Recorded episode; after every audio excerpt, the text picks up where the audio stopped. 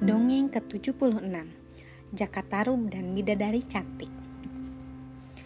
Alkisah ada seorang pemuda bernama Jakatarub Ia adalah pemuda yang cakep dan gesit. Selain itu, Jakatarub sangat suka berburu rusa di hutan. Suatu hari, Jakatarub pergi ke hutan untuk berburu. Namun kali ini tak ada satu hewan pun yang berhasil dia tangkap karena kelelahan, Jaka Tarub memilih istirahat. Ketika hampir tertidur, ia mendengar ada suara gadis yang bersenda gurau. Jaka Tarub lalu bangun dan mencari asal suara itu. Ternyata tak jauh dari tempatnya beristirahat ada sebuah telaga. Jaka Tarub pun menuju telaga itu. Dari balik semak-semak terlihat ada empat gadis cantik. Siapakah para gadis itu? Mungkinkah mereka bidadari yang sedang mandi? Pikir Jakataru. Tak jauh dari tempat Jakataru berdiri, terlihat selendang warna-warni. Jakataru pun mengambil selendang itu dan menyembunyikannya. Adik-adikku, hari sudah mulai gelap. Kita harus segera kembali ke kayangan, kata seorang gadis. Ternyata dugaan Jakataru benar. Mereka adalah bidadari yang turun dari kayangan. Para bidadari pun keluar dari telaga. Mereka berjalan untuk mengambil selendangnya. Tetapi salah satu bidadari itu kehilangan selendangnya. Aduh, selendangku hilang. Bagaimana ini?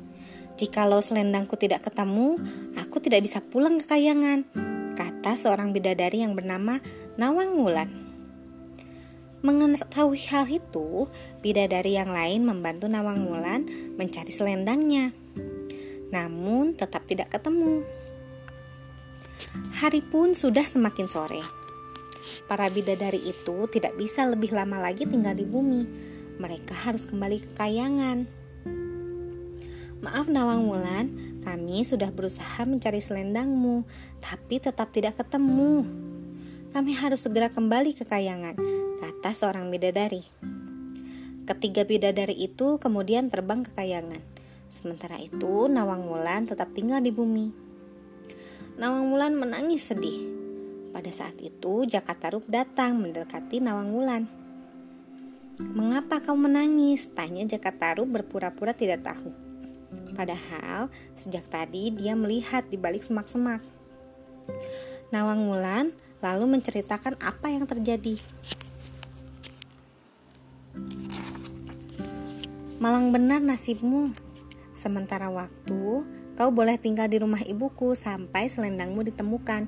Ajak Jakatarup kepada Nawang Wulan. Akhirnya Nawang Wulan setuju tinggal di rumah ibunya Jakatarup. Jakatarup mulai suka pada Nawang Wulan. Kemudian Jakatarup meminang Nawang Wulan. Setelah setahun menikah, Jakatarup dan Nawang Wulan dikaruniai seorang anak perempuan. Anak itu diberi nama Nawang Sasi. Suatu hari, Nawang Wulan hendak mengambil padi di lumbung. Tiba-tiba ia melihat gundukan kain di sela-sela tumpukan padi. Karena penasaran, Nawang Wulan segera mengambil kain itu. Nawang Wulan merasa sangat terkejut. Ternyata gundukan kain itu adalah selendang bidadarinya. Pada saat itu datanglah Jaka Taruk di lumbung. Mengapa selendangku ada di sini?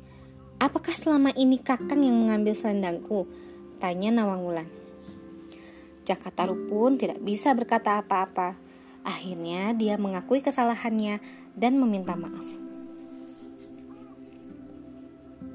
Namun Nawang Wulan sudah memakai selendang bidadarinya.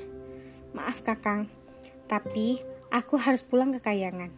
Di sanalah seharusnya tempatku berada, kata Nawang Wulan.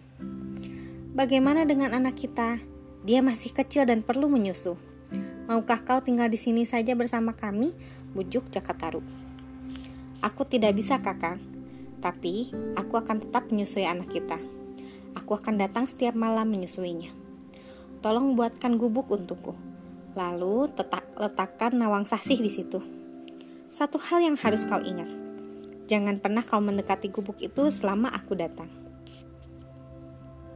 Nawang Wulan kemudian mengucapkan salam perpisahan pada Jaka Tarub dan Nawang Sasi. Setelah Nawang Wulan pergi kembali ke kayangan, Jaka Tarub membuatkan sebuah gubuk. Sesuai janjinya, setiap malam Nawang Wulan datang untuk menyusui Nawang Sasi. Sekian, terima kasih telah mendengarkan. Selamat malam.